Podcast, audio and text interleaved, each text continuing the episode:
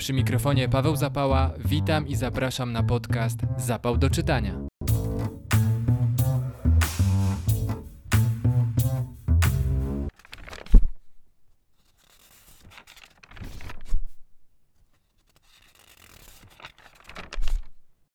Przed Wami specjalny odcinek podcastu. Składa się z dwóch części, a właściwie to połów. Przedzielony jest przerwą muzyczną, a w sumie potrwa około 45 minut. Mam dla Was bowiem dwa wywiady, do których przeprowadzenia sprowokowały mnie trwające już piłkarskie Mistrzostwa Świata w Katarze. Oczywiście w kontekście czytelniczym.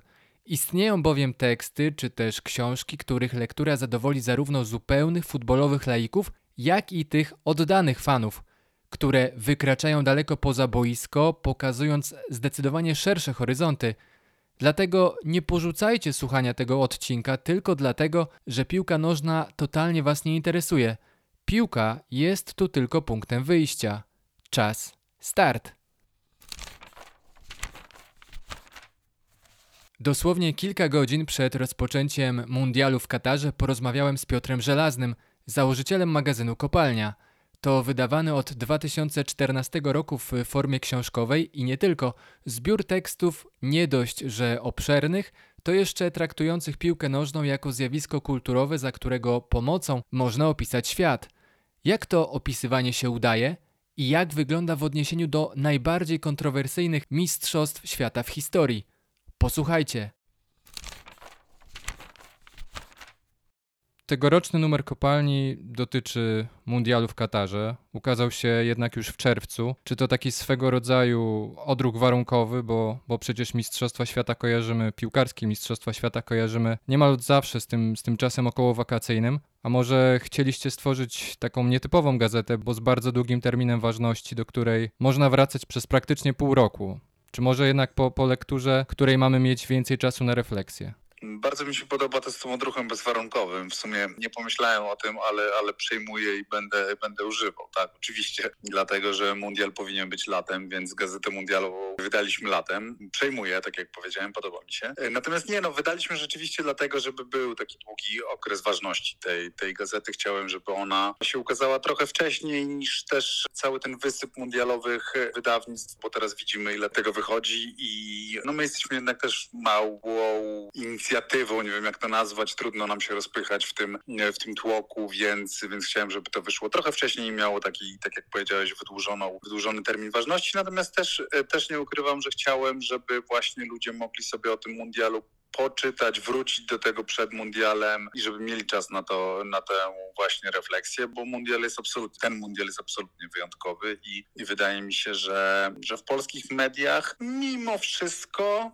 niezbyt dużo się o tym mówi. Może inaczej, może nie niezbyt dużo, ale mam wrażenie takie, że trochę takimi ogólnikami się posługujemy. Mhm. Kilka jakichś takich zdań wytrychów, które są powtarzane gdzie niegdzie i w sumie mam mało takiego pogłębienia, więc też chciałem, żeby ta nasza, żeby ta nasza publikacja miała jakąś tam szansę wybrzmieć dobrze.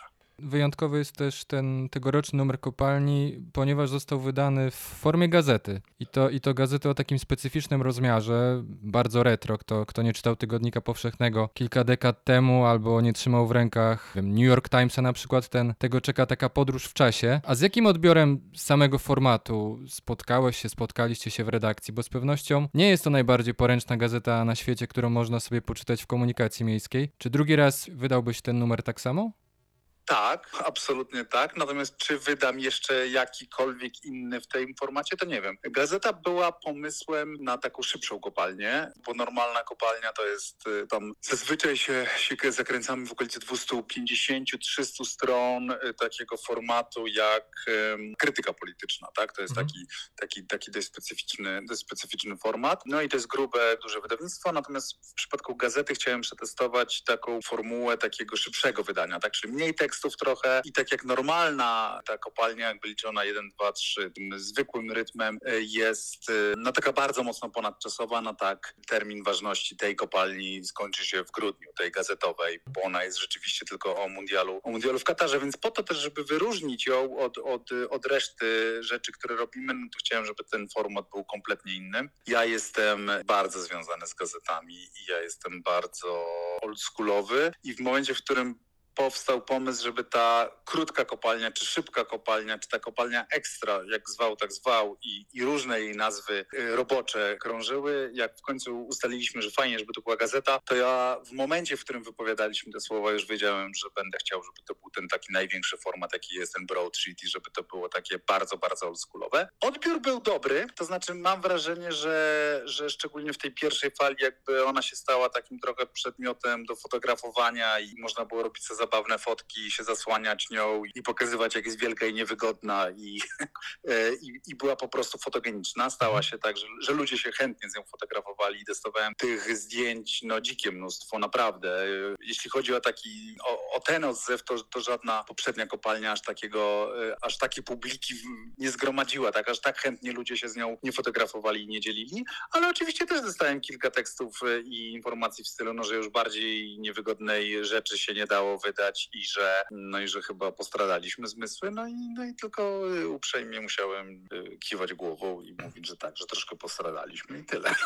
Do tej pory ukazało się sześć takich klasycznych numerów kopalni. Każdy z nich jest na, ma taki swój temat przewodni, jak na przykład polityka czy, czy piękno. Pierwszy numer został wydany w 2014 roku przed mundialem w Brazylii. Historia więc zatoczyła pewne koło, bo ten tegoroczny specjalny numer również dotyczy Mistrzostw Świata. Tyle tylko, że no pewnie tylko nie ja to zauważyłem, to nie jest, nie jest żadne odkrycie, ale ten ton całego numeru jest, jest zupełnie inny niż wtedy przed, przed mundialem w Brazylii. Wtedy swój wstępniak zatytułowałeś Wierzymy, a, a sam, same Mistrzostwa Świata nazwałeś Świętem. Teraz atmosfera jest no, zgoła inna, ale czy to nie jest paradoksalnie tak, że łatwiej było pisać i zamawiać teksty do numeru, który skupia się bardziej na, na tych wszystkich patologiach wokół turnieju w Katarze, niż na samych sylwetkach piłkarzy czy drużyn?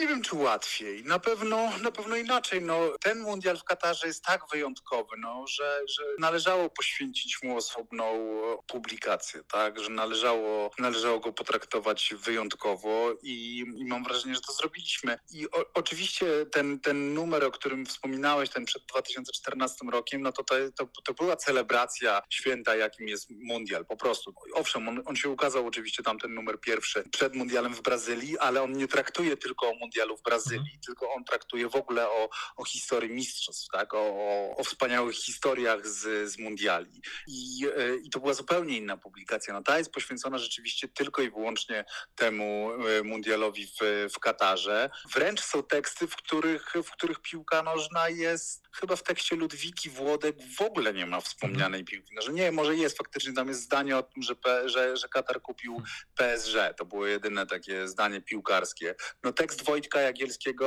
o, o tym, czym jest Katar, jakim krajem jest Katar, i- jaką rolę odgrywa w regionie, jakie są jego relacje z Arabią Saudyjską, jakie są jego relacje z, z NATO, z, z, ze Stanami Zjednoczonymi i o tym wszystkim, no, no też jest tekstem tak naprawdę nie piłkarskim. Oczywiście ten mundial gdzieś tam się czai w tych tekstach, jest w tle, ale, ale to, są, to są teksty całkowicie takie, no, które mogłyby się spokojnie ukazać w, w poważnych publikacjach na stronach kompletnie niesportowych, więc, więc faktycznie no, to podejście do tego mundialu i, i zarazem to wydawnictwo, to gazetowe jest, jest inne, jest, jest, jest zupełnie inne. Natomiast czy było, czy było łatwiej zamawiać?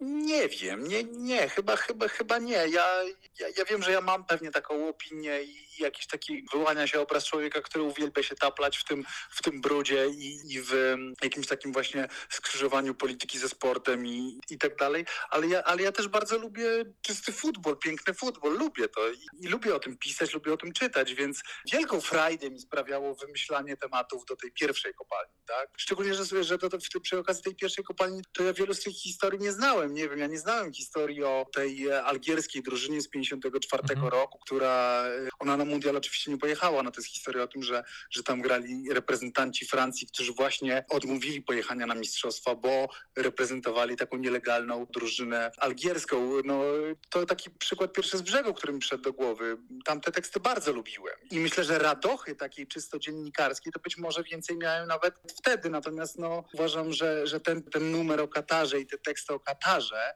i o tym, jak Katar te mistrzostwa dostał i o tym wszystkim złym, co się dzieje w Katarze, po prostu powinny były powstać. Ja bym zostałbym jeszcze przy tym premierowym numerze, bo wspomniałeś w nim, że gdy ktoś neguje znaczenie futbolu, to prosisz, żeby pokazał ci jakiekolwiek inne zjawisko popkulturowe, które, które potrafiło wstrzymać albo wywołać wojnę. Na przykładzie tego tegorocznego mundialu widać też niestety, że można łatwo zrelatywizować w skali globalnej koszty, jakie zostały poniesione, by go zorganizować. W tym przypadku chodzi mi o śmierć tysięcy w sumie już robotników pracujących przy, przy budowie stadionów. Dla wielu dziennikarek i dziennikarzy to chyba najtrudniejszy mundial do opisywania, do relacjonowania, bo, bo boiskowe wydarzenia nie są, nie są tak do końca najważniejsze, albo, albo przynajmniej rozciera się nad nimi taki ogromny cień. A może to też wielka szansa, by, by udowodnić niedowiarkom to, o czym pisał chyba w ostatnim numerze Tygodnika Powszechnego Michał, Michał Okoński, że futbol to lustro przystawione do, do współczesnych problemów świata i być może przy okazji tego mundialu będzie to można jeszcze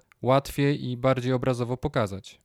Tak, absolutnie. To znaczy, ja nawet wczoraj y, y, odbyłem taką debatę w, w ramach magazynu Kontakt, takiego, takiego mhm. magazynu katolicko-lewicowego, gdzie, gdzie napisałem tekst. Zostałem poproszony o napisanie tekstu, jaki jest właśnie mój stosunek do tego mundialu. Ja napisałem, czy będę go bojkotował, czy nie. Ja napisałem, że nie będę bojkotował tego mundialu, mimo że jestem świadom tego wszystkiego i mój jakby interlokutor, no bo, no bo prowadziliśmy debatę, ale, ale też jego tekst układał się na kontaktu Karol Kleczka. On napisał, że, że on będzie bojkotował ten mundial. I tak rozmawialiśmy i, i, i to było dość, dość ciekawe w trakcie tej debaty, bo wszystkie jego argumenty za tym, żeby bojkotować ten mundial, były moimi argumentami za tym, żeby ten mundial żeby tego mundialu nie bojkotować. Mhm. To znaczy, że on uważał, że trzeba mówić o śmierci robotników, że trzeba mówić o deptaniu praw człowieka, że trzeba mówić o deptaniu praw osób LGBT, że trzeba mówić o, o korupcji, jaka jest wokół tego mundialu i że w związku z tym tego mundialu się nie da oglądać, że trzeba o tym, o tym mówić, a nie o futbolu. A ja mówiłem, że trzeba ten mundial oglądać i trzeba ten mundial relacjonować, trzeba tym mundialem się zajmować właśnie po to, żeby móc opowiadać o deptaniu praw człowieka, o, o prawach kobiet w Katarze, o prawach osób LGBT, o śmierci robotników i o korupcji. Więc jakby skrajnie różne wnioski znaczy inaczej, tak, no tak, koniec końców skrajnie różne wnioski, bo on mówił, żeby mundial bojkotować, ja mówiłem, że mundialem trzeba się zajmować, ale jakby droga dotarcia do tych wniosków różnych dokładnie ta sama, to znaczy właśnie, że to jest tematem tego mundialu, te wszystkie, te wszystkie historie. I mi się wydaje, że dzisiaj to zaczynamy trochę bardziej widzieć właśnie, że tak tuż przed mundialem sporo zaczęło się pisać, no inaczej, bo ja przed chwilą mówiłem, że mało się o tym pisze, jak, jak porównuję z tym, co się działo w Anglii, gdzie przez lata to było tematem, jak porównuję w, z tym, co się działo w USA, z tym, co się działo w krajach zachodnich, gdzie od wielu, wielu lat o tym Katarze pisano dość jednoznacznie, tak dzisiaj, tak mniej więcej właśnie tydzień, dziesięć dni przed mundialem, także i do nas w końcu to, to dotarło. No lepiej późno niż wcale, ale, ale rzeczywiście zaczęto przez pryzmat futbolu, bo ja to, ja mam taki, ja mam taki slogan, który często stosuję przy kopalni, że my chcemy opowiadać, opowiadać o świecie przez pryzmat futbolu futbolu. Mhm. I, I to się dzieje dzisiaj przy okazji tego mundialu w Katarze. Czyli, że przez pryzmat futbolu jest opowieść o tym właśnie, jak Katar wykorzystuje tanią siłę roboczą. Przez, przez pryzmat futbolu jest opowieść o tym, co mogą kobiety w Katarze. I przez pryzmat futbolu jest opowieść o tym, jak wygląda sytuacja osób LGBT i tak dalej, i tak dalej. Więc, więc rzeczywiście dzisiaj trochę to, trochę to zaczęło tak, tak wyglądać. Rozmawiamy kilka godzin przed, przed rozpoczęciem mundialu. Tym samym ten tegoroczny numer kopalni już w pełni zyskuje na aktualności, zwłaszcza chyba dla ludzi, którzy wciąż nie wiedzą, jak się mają w jego obliczu zachować, oglądać Mistrzostwa Świata czy, czy je bojkotować, o czym wspomniałeś. Być może to za mało, ale gdybyś miał takiej osobie polecić jeden tekst z ostatniego numeru kopalni, który najbardziej pomoże podjąć jej decyzję, to, to który z nich to byłby? A mogę dwa? Pewnie, możesz dwa. Tak naprawdę i, i, i tekst Rafała Steca z Gazety Wyborczej, i tekst Michała Końskiego, z którym, jak rozumiem, rozmawiałeś, y, są dokładnie o tym. No, są mhm. dokładnie o tym, jak powinien tak naprawdę taki bardzo roboczy tytuł, czy, czy gdy zamawiałem te teksty, to prosiłem ich, żeby, żeby oni napisali, no jak powinien zachować się przyzwoity człowiek w obliczu mundialu w Katarze. I wydaje mi się, że zarówno Rafał Stec, jak i, jak i Michał Koński dają odpowiedź na to pytanie. I, tro, I trochę mówią, no to nie jest nasza odpowiedzialność. Musimy być świadomi tego, co się dzieje, musimy o tym mówić. Możemy podpisywać różne petycje, łącznie z petycjami Amnesty International. Ja bardzo wzywam wszystkich do podpisania, do podpisania na stronie Amnesty International takiej petycji, która domaga się od FIFA, żeby przeznaczyła FIFA równowartość nagród, które ma przyszykowane dla piłkarzy biorących udział w mundialu, czyli około 440 milionów dolarów, żeby tę równowartość, taką samą sumę przeznaczyła na odszkodowania dla rodzin y, robotników, którzy zginęli w tych latach 2010-2020 w Katarze. Y, Oczywiście oni nie wszyscy budowali bezpośrednio mundial, ale większość znalazła się tam w Katarze właśnie dlatego, że mundial został Katarowi przyznany, bo Katar oczywiście musiał wybudować całą bazę hotelową, dworce, lotniska, y, drogi i tak dalej, i tak. To nie wszystko była bezpośrednia infrastruktura mundialowa, ale bardzo dużo infrastruktury wokół mundialowej. I tak, no, my nie ponosimy odpowiedzialności za to, natomiast musimy być tego świadomi. I teksty Michała Okońskiego i, i Rafała Steca właśnie tak naprawdę o tym są i, i bardzo wszystkim polecam, żeby sobie przed mistrzostwami przeczytali te teksty.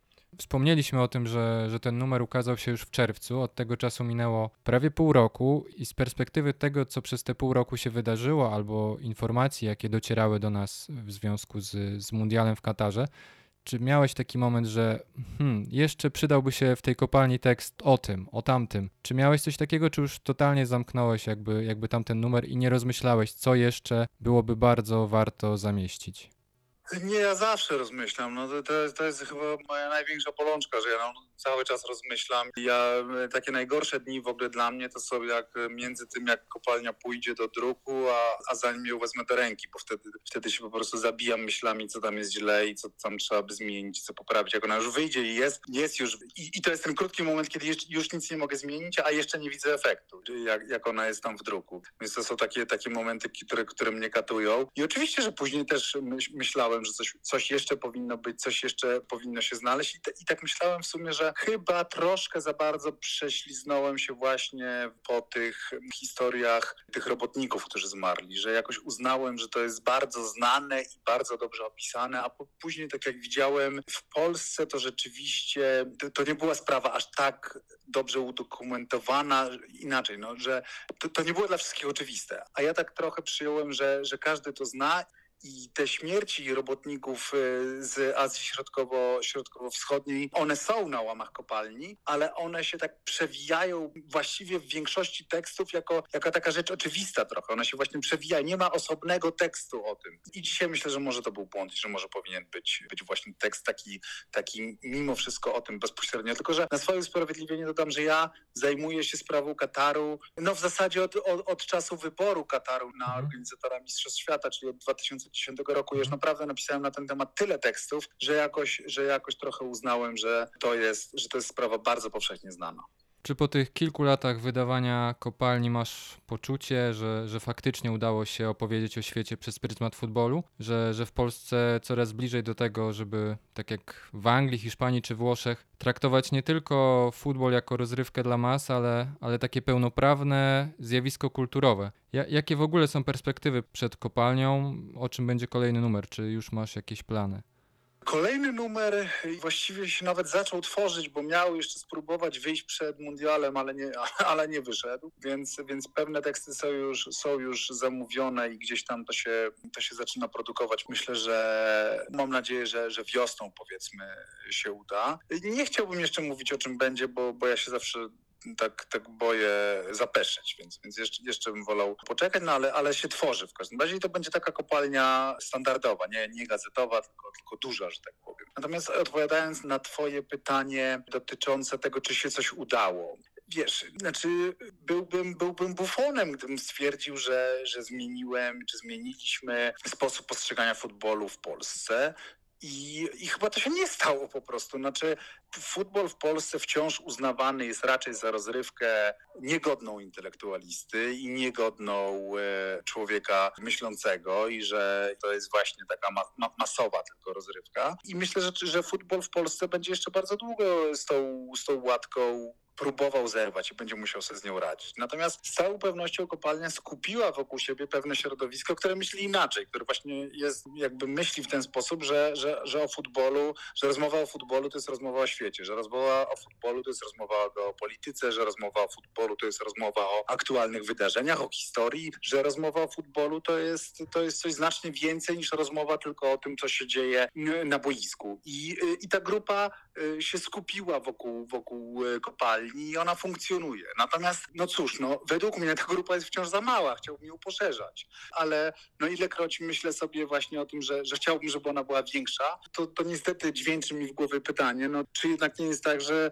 że koniec końców już, już wszystkich z Polski skupiliśmy wokół tego, że w Polsce po prostu ta grupa jest bardzo mała. No i chciałbym, żeby odpowiedź na to pytanie była negatywna, że była przecząca, no że nie, że jeszcze wciąż jest mnóstwo ludzi, do Mhm. których można dotrzeć z taką opowieścią o futbolu, z taką narracją, z tym sposobem opowieści, ale wciąż ta grupa jest mała, no nie ma co ukrywać. To na koniec już pytanie piłkarskie. Kto Twoim zdaniem wygra mundial i dlaczego? Ja prze, przez, to, że, przez to, że ten mundial jest tak dziwny, odbywa się w środku sezonu i odbywa się z marszu, odbywa się bez żadnego okresu przygotowawczego, uważam, że ten mundial wygra albo drużyna, która już się doskonale zna i nie musi się siebie uczyć na nowo, czyli że tam działa już pewien automatyzm, są wypracowane schematy i po prostu jest to, jest to dobry zespół piłkarski. Więc takim, taką naturalną drużyną jest na przykład Francja, tak, która jest, jest długo ze sobą i, Fr- i Francuzi już mają tego samego trenera od lat i doskonale funkcjonują ze sobą. Natomiast wiemy też, że we Francji no, jest pełna taka implozja i tam się wszyscy ze wszystkimi pożarli. Jeszcze wczoraj wypadł Karim Benzema, więc, więc, więc rzeczywiście te, te szanse Francuzów być może nieco spadły. Natomiast y, wydaje mi się, że jeśli nie drużyna, która jest długo ze sobą, to drużyna, która nie potrzebuje aż takiego wypracowania schematów, wypracowania zgrania i wypracowania odpowiedniego właśnie takiej jakości drużynowej, czyli taka drużyna, w której jest dużo indywidualności. I drużynami, w których jest najwięcej indywidualności, wydają mi się Brazylijczycy i Argentyńczycy, więc gdybym miał obstawiać, to albo Brazylia, albo Argentyna. Bardzo dziękuję za, za rozmowę i przyjęcie zaproszenia do podcastu Zapał do czytania. To ja bardzo dziękuję. W 2010 roku, gdy zapadła decyzja o przyznaniu mundialu Katarowi, zdecydowanym faworytem do przeprowadzenia imprezy były Stany Zjednoczone. Ostatecznie ten turniej zagości na amerykańskich boiskach, choć nie tylko, za 4 lata.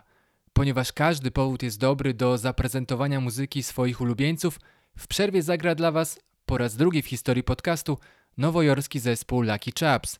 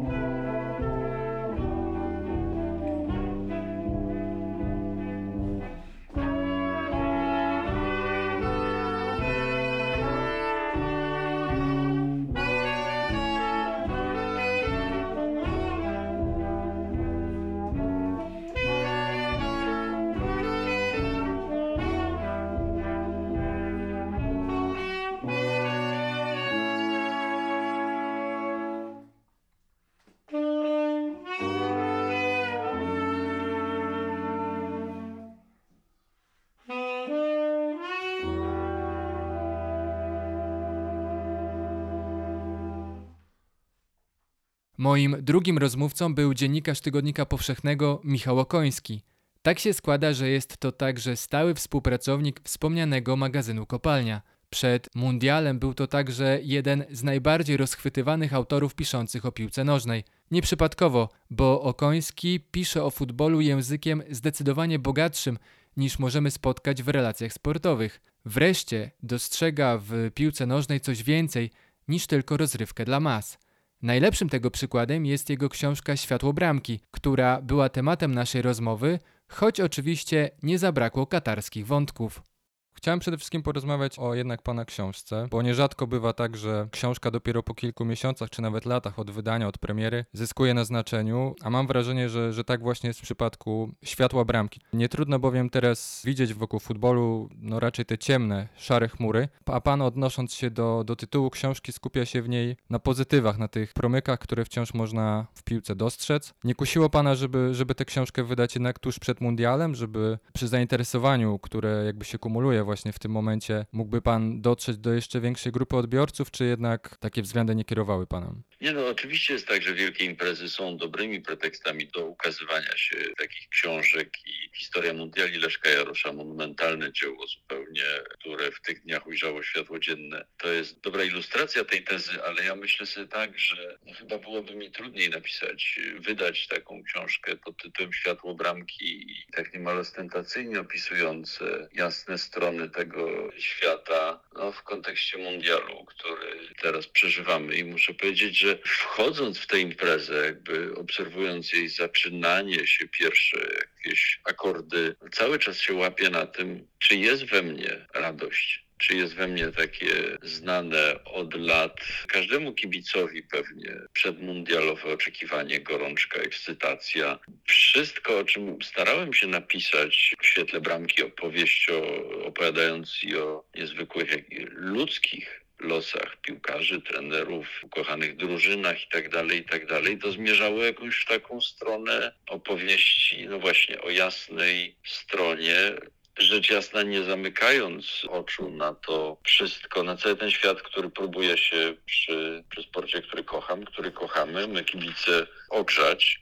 Mundial jest tego jakąś doskonałą ilustracją, ale dla mnie ten czas przedmundialowy i, i czas początku mundialu to jest taki mocny czas konfrontacji. Z jednej strony właśnie takiego przekonania, któremu dałem wyraz w swojej książce, że piłka nożna to jest coś takiego no, z gruntu czystego, takiego mhm. czegoś, co powoduje, że nie wiem, dwie drużyny wychodzą na boisko i jedna składa się z bardzo bogatych piłkarzy i świetnie opłacanych gwiazd i tak dalej, a druga z ludzi kompletnie nieznanych i my naprawdę, chociaż wydawałoby się, że, że wynik jest z góry przesądzony, to my naprawdę nie wiemy, jak to się skończy. Że jakby po jednej stronie jest taka wizja czystego widowiska, a po drugiej cały ten świat, który próbuje się przy nim ogrzać, który próbuje to uczucie spieniężyć, skomercjalizować, no i cena tego jest straszliwa. To jest cena życia robotników przymusowych, którzy budowali stadiony na Mistrzostwa Świata. To jest y, sports washing, czyli pranie wizerunku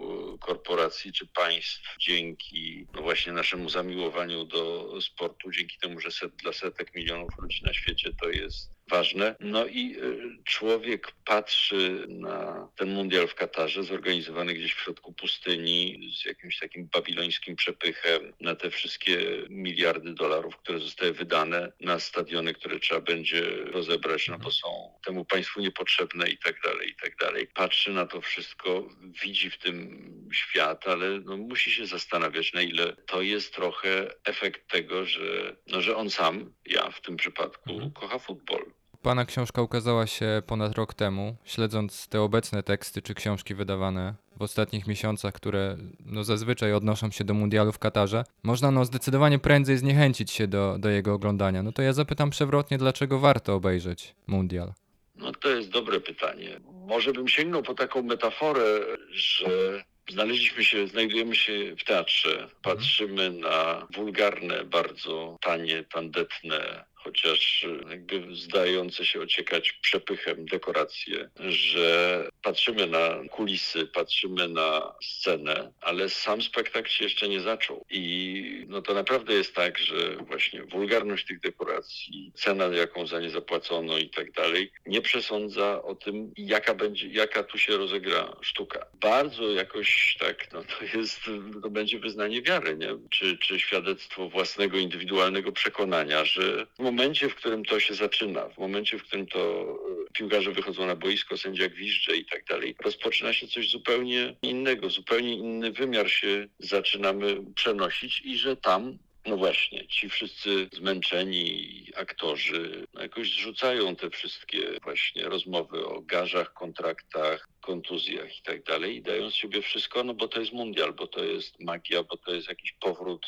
no nie tylko y, kibiców, którzy wracają do strefy dzieciństwa, ale także tych uczestników imprezy, dla których to naprawdę bardzo wielu z nich, no to widzieliśmy właśnie, jakie, z jakimi dramatami przeżywają te kontuzje, z jak, jak bardzo się starają wrócić tak dalej, dla których to naprawdę jest jakoś najważniejsza impreza w życiu. To też jest jakiś taki kawałek czegoś bardzo czystego, myślę, że właśnie widzimy ludzi, którzy nie wiem, zarabiają w swoich klubach po pół miliona funtów tygodniowo, no ale poświęcają wszystko, żeby wystąpić, zagrać na mundialu, bo może właśnie oni też wracają do tego świata, w którym byli kiedyś chłopcami marzącymi o tym, że podniosą ten dziwny złoty puchar. Wspomniał Pan o, o tym wyznaniu wiary. Pana książka Światło Bramki to, to swego rodzaju wyznanie miłości w kierunku futbolu. Pisze Pan o, o, nim przez pryzmat historii piłkarzy, trenerów, klubów, no wreszcie kibiców patrzy zdecydowanie dalej niż tylko na boisko i, i, to, co dzieje się w ciągu 90 minut, bo futbol wciąż jednak potrafi być tym wspólnym mianownikiem dla przeróżnych grup społecznych czy, czy przedstawicieli zgoła odmiennych profesji, dlatego na, na stronach pana książki można spotkać zarówno Cristiano Ronaldo, jak i Jerzego Pilcha. Jednak w Polsce bardziej lub mniej wciąż futbol jest traktowany jako taka rzecz trochę niegodna dla, dla człowieka obytego kulturalnie. Czuje pan, że ten osąd się zmienia w Polsce, czy, czy w ogóle przestał pan, pan o to dbać, czy jak, jak ktoś na pana spojrzy? Bo przypominają mi się słowa chyba Pawła Sołtysa, że on w momencie, kiedy rozmawiał z kimś o literaturze, to wszystko było w porządku, ale gdy ten ktoś słyszał, że on zaczyna gdzieś na boku rozmawiać o piłce, no to od razu zmieniało się spojrzenie i, i optyka na niego to jest tak wielki temat, temat rzeka. Ja rzeczywiście ileś razy też wchodziłem w jakieś polemiki z nim związane, bo tu jest no rzeczywiście masa tematów. Jeden z nich pewnie wiąże się z takim klasizmem grupy społecznej, nazywanej niewątpliwie kiedyś inteligencją, być może liderów opinii takich mhm. Y, y, związanych, nie wiem, koryfeuszy właśnie naszych medialnego świata, czy kulturalnego, czy literackiego. No i jak na to patrzę, no to myślę sobie po pierwsze, że to jest jednak trochę specyfika miejsca, bo nie jest tak kurczę naprawdę, nie wiem, w Anglii czy we Włoszech, mhm. że jak czytam, to mam takie jakieś mocne bardzo wspomnienia, nie wiem, jak Johan Cruyff umierał, to w Wielkiej Brytanii czołowe dzienniki poświęcały mu bardzo wiele miejsca na poziomie właśnie takich esejów. Jak Leicester zdobywało Mistrzostwo Anglii, no to laureat Bookera i wielki kibic tego klubu też pisał o tym, o tym tekście. To się wszystko jakoś mieści i łączy. Ja bym powiedział też i to, i przypomniał, że przecież kiedyś też tak było że jak się patrzy nie wiem, na początki futbolu w Polsce, to, to bardzo szybko oczywiście zaczyna być sport ludowy, ale ten sport jest jakoś wprowadzany przez inteligentów, profesorów, ludzi, którzy zajmują się rozwojem duchowym i fizycznym i patriotycznym też młodzieży, którzy piszą o tym sporcie, układają jego reguły, przybliżają te reguły nieznającym ich jeszcze młodym ludziom, no językiem elity niewątpliwie. I to oczywiście też jest problem bo jak na przykład trochę się przyglądam teraz tej najstarszej historii polskiej piłki nożnej, no to widzę, jak bardzo e, chciałoby się usłyszeć i odzyskać głos tych pionierów, którzy wywodzili się na przykład z klasy ludowej. Byli tacy gdzieś się pojawia w jakimś profesorskim zapisku jedno zdanie, nazwisko jakiegoś rzemieślnika. Kim on był? On nie zostawił wspomnień, on nie zostawił jakichś pamiętników, w których znakomicie tam to zostało opisane. Więc tu jest jakaś rzecz niewątpliwie do zrobienia wokół tego No ale co, no ja też mam takie poczucie, że pouczaniem kogokolwiek, czy wyśmiewaniem uprzedzeń, to niewiele się zmieni. No trzeba pokazywać, no tak pan przywołał nazwisko Jerzego Pilcha, no trzeba umieć pokazać, że można o piłce nożnej, można o sporcie pisać tak, jak o innych dziedzinach sztuki czy kultury, jako teatrze, jako muzyce, jako literaturze właśnie. No i właściwie nic więcej, znaczy dawać świadectwo samemu, że to jest możliwe i że można. Nie wiem, no to są wszystko takie rzeczy, które mnie to rzeczywiście jakoś kręcą i w Tygodniku Powszechnym, pamiętam, pisałem przed finałem w ostatnim Ligi Mistrzów z jakąś taką trochę perwersyjną przyjemnością sylwetkę trenera Realu Carlo Mhm. Ancelottiego, ale w kontekście tego, że jako nastoletni chłopak wystąpił w meczu piłkarskim zorganizowanym, żeby pogodzić dwóch wielkich reżyserów Bertolucciego i Pasoliniego. No, tak. Dlaczego to wszystko ma się właściwie nie sklejać? Albo właściwie dlaczego nie mielibyśmy rozmawiać o piłce nożnej, wyciągając z niej różne, no takie głębokie prawdy o naszym świecie? Myślę, że ten mundial jest też doskonałą okazją do tego, żeby właśnie nie tyle mówić, że futbol jest zły, tylko pokazać świat, dla którego futbol jest jedynie lustrem. Mhm. Wszystkie te choroby, z którymi mamy do czynienia, mówiąc o mundialu w Katarze, to są choroby współczesnego świata, świata późnego kapitalizmu, świata, w którym interes geopolityczny załatwia się, no, korzystając no, z takiej dziedziny masowej rozrywki jak piłka nożna również. Na początku już książki pisze pan o tym, że oczywiście futbol to nie jest sprawa życia i śmierci. Zarazem jednak piłka nożna pozwala wielu z nas zyskać poczucie podmiotowości, bywa narzędziem społecznej zmiany, a czasami nawet ułatwia zrozumienie otaczającego świata. I przed chwilą wspomniał pan o tym, że, że futbol to takie lustro, w którym odbija się kondycja współczesnego świata. Czy ma pan jakąś teorię, dlaczego akurat patologie w futbolu są traktowane jako coś osobnego, niezależnego? Jakby przymykamy oczy na to, że, że to wszystko wokół nas się dzieje też w innych dziedzinach, rejonach. Nie mam takiej teorii. Nie, nie, tak szczerze mówiąc, nie wiem dlaczego tak jest. Myślę sobie, że może jest tak, że niektórzy na przykład boją się tłumów i reagują jakoś tak, jak widzą kilka, kilkunastotysięczny tłum czy kilkudziesięciotysięczny tłum, który ryczy na stadionie jakieś hasła, to budzi to w tym kimś lęk i niepokój. Być może przez to, że tutaj jakby mamy do czynienia z jakimś wyrażaniem się przez ciało. Niektórzy mają z tym może kłopot. Nie wiem, nie mam pojęcia. I tak nie chciałbym wejść na taki poziom wytykania palcem, bo można się w to łatwo e, ześlizgnąć właśnie może, nie że a może ktoś się boi właśnie wspólnoty, nieufność jakaś y, w inteligencie, którym wzbudza lud i jego gorsze rzekomo rozrywki. Nie wiem, nie wiem, nie, nie chciałbym iść w tę stronę. Raczej chciałbym pokazywać, y, że no, futbol jak każda rzecz, która wiąże się z masowym zainteresowaniem, naprawdę masowym zainteresowaniem, jest y, czymś, co no właśnie w świecie kapitalizmu pozwala to zainteresowanie monetyzować. Czyli jeśli ja coś bardzo mocno przeżywam, no to mój portal społecznościowy, mój producent, moich ubrań, moich wszystkich jakichś takich rzeczy, których używam na co dzień, no chcę z tego skorzystać. No i mamy tutaj w świecie futbolu niezliczone tego typu przykłady, w każdą stronę zresztą, bo ja sobie uświadomiłem też, że także na sprzeciwie i moralnym oburzeniu wobec mundialu można zarobić i można to zmonetyzować. Widziałem taką kampanię reklamową w Anglii takiego piwa, które kreuje dla swoich konsumentów taki nonkonformistyczny wygląd i no jedna z topowych firm zajmujących się marketingiem i reklamą na świecie przygotowała mu taką kampanię jako dumnemu antysponsorowi mundialu. Więc jakby dobrze jest otwierać oczy i być świadomym także tego, że na naszych szlachetnych skądinąd i zrozumiałych porywach można chcieć zarobić. Nie ma pan obawy, że jest teraz dużo łatwiej pisać o tym, jak, jak to futbol jest przeżarty korupcją i komercją, o której pan wspomniał, a bardzo łatwo można zapomnieć albo nie zwrócić uwagi, jak dużo jednak się dzieje dzięki futbolowi, jak choćby chodzi o walkę z dyskryminacją kobiet, z walką z rasizmem, czy tym, jak choćby dostęp do infrastruktury sportowej jest dużo łatwiejszy. Czy ten ostatni okres pisania właśnie o futbolu nie, nie powoduje, że trochę zapominamy za bardzo o tym, że jednak dużo dobrego się dzieje, jak gdybyśmy mieli porównać choćby do tego, co działo się 20-30 lat temu wokół futbolu. No na szczęście jest tak, że cokolwiek się napisze, czy cokolwiek się powie, telewizji, w internecie, w podcaście gdzieś tam, to ostatecznie ten futbol się sam obroni. Na samym końcu jest tak, że nikomu niczego nie trzeba tłumaczyć, że wystarczy pokazać. Ja w książce cytuję takie zdanie jakiejś niemieckiej teolożki. Podkreślam to, że teolożki, bo tutaj o sprawach ostatecznych jest mowa, która na pytanie, jak wytłumaczyłaby dziecku, co to jest szczęście, powiedziałaby, że nic by nie tłumaczyła, tylko rzuciłaby mu piłkę do zabawy.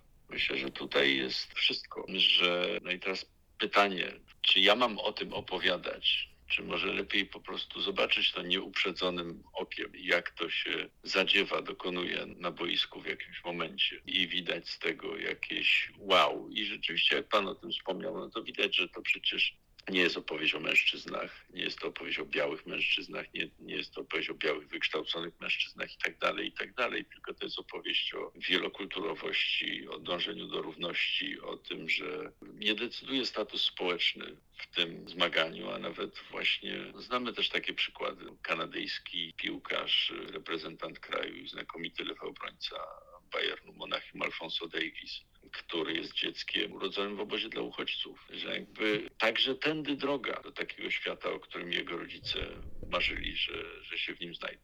Jest pan odpowiedzialny za, za przetłumaczenie na, na język polski kilku książek dotyczących, no właśnie, futbolu, ale, ale tak tylko na pierwszy rzut oka zastanowiłem się, bo, bo przecież Aniołowie o brudnych twarzach to, to historia Argentyny, ale opowiedziana przez pryzmat tamtejszego futbolu. A tak się akurat składa, że gramy z Argentyną w jednej grupie na mundialu. I ja mam takie poczucie, że dzięki książce Jonathana Wilsona znam Argentyńczyków z jeszcze innej strony niż tylko to, co, co pokazują na boisku. No, widzę pewne konteksty kulturowe, pewne przypisy. Czy podczas tłumaczenia tej książki był pan bardzo zdziwiony, jak bardzo te naczynia są połączone, czy, czy spodziewał się pan tego? To mi warto było y, niewątpliwie takie otwierające oczy doświadczenie, otwierające oczy także dla kogoś, kto się zajmuje pisaniem, że wow, to tak można. Znaczy, znowu, tak jak piłka jest lustrem dla świata, to znaczy, że co, że można pokazać, jak piłka jest lustrem dla jakiegoś społeczeństwa że kiedy Argentyńczycy, nie wiem, śnią swój peronowski sen o dobrobycie albo, nie wiem, są doskonale rozwijającą się gospodarką gdzieś tam w latach dwudziestych poprzedniego stulecia, mówi się o nich jako o Jankesach Południa i tak dalej, no to oni równocześnie grają najpiękniejszy futbol na świecie, najcudowniejszy zupełnie. A kiedy jest krach gospodarczy, kiedy trwa wojna domowa w kraju i tak dalej, i tak dalej, no to ich drużyny grają właśnie jakiś ponury, straszliwy antyfutbol. Ile jest w takich zachowaniach i zagraniach, jak to potępiane przecież po tylokroć zagraniu Maradony ręką, ile w tym jest takiego poczucia, że w świecie, w którym szanse są z góry nierówne, role są z góry rozdane, są bogaci i biedni, zamożniejsi, dyktujący warunki itd., tak itd., tak że trzeba jakoś sprytem sobie pomóc i poradzić, no właśnie, bo szanse nie są równe. Tak, tak, ja miałem wrażenie, tłumacząc, że nie wiem, nawet takie, schodząc na nurty, nie wiem, kościelnych polityk, że, że taki rodzaj może bardziej relatywizującego doktrynę stanowiska papieża Franciszka, jakże inne, od na przykład sztywniejszego Benedykta XVI, także wywodzi się z faktu, że kardynał Bergoglio był, jest Argentyńczykiem i no właśnie tak, dużo bliżej jest w związku z tym życia. Za rok mija 10 lat od, od wydania pana pierwszej książki Futbol jest okrutny. Po tych 10 latach, jakie są pana refleksje? Więcej w tym futbolu widzi pan okrutności, czy jednak światła? A może po prostu są jakby dwie strony tej samej monety i, i ma pan poczucie, że, że tymi dwoma książkami pokazał pan wszystko o futbolu? Czy może jednak trzecia książka jest już w planach? Trzecia książka jest w planach raczej właśnie historyczna. Ja bym chciał o tej Polsce napisać i pokazać nasze własne dzieje w świetle futbolu i to nawet właśnie tak może w kontekście bardziej historii społecznej opowiedzianej przez pryzmat piłki. To ja myślę, że ta, taki mam plan i taki mam, taki mam pomysł, ale rzeczywiście no, to jest jak u Junga cień, coś co domaga się jego zintegrowania. No to może rzeczywiście nie da się rozmawiać o samym świetle bramki i samych jasnych stronach i nie da się rozmawiać o samym okrucieństwie futbolu. Oba skrzydła domagają się jakoś, nie wiem, no właśnie zintegrowania czy do, do powiedzenia. To już na koniec pytanie typowo mundialowe. Kto, kto zdobędzie mistrzostwo i dlaczego to pierwsze zdobył już Katar? No to już właśnie wiemy, no, Katar wygrał bardzo dużo. Wszyscy wiemy, że istnieje gdzieś tam takie państwo, jest bardzo potężne i jest w stanie zrobić wszystko, a nawet kupić sobie Mistrzostwo Świata. Oni naprawdę wygrali. I nie jest to radosne zwycięstwo, rzecz jasna, ale trzeba sobie z niego zdawać sprawę. No a to jest niesamowity moment, bo właśnie każda wróżba tego typu za tydzień czy dwa może zostać brutalnie zweryfikowana. Większość ekspertów, że się tak zasłonię, Mhm. powiem, większość ekspertów obstawia Brazylię i trudno tutaj nie mieć poczucia, że to będzie jedna z najmocniejszych drużyn, najmocniej się liczących, No, ale z drugiej strony my tak naprawdę nie wiemy. Przystępujemy, znaczy drużyny przystępują do rywalizacji z marszu w trakcie sezonu, prawie bez przygotowania takiego miesięcznego. Odbywa się to jakoś rzeczywiście bardzo szybko i z marszu, no i, i niespodzianki w związku z tym nie są wykluczone. Bardzo dziękuję za, za przyjęcie zaproszenia do, do podcastu. Dziękuję bardzo. I to już wszystko, jeśli chodzi o ten wyjątkowy czwarty odcinek podcastu Zapał do czytania. Zachęcam do obserwowania mojego konta w mediach społecznościowych. Możecie też pisać do mnie bezpośrednio na adres zapaldoczytania małpa gmail.com. Płomiennie dziękuję. Do usłyszenia.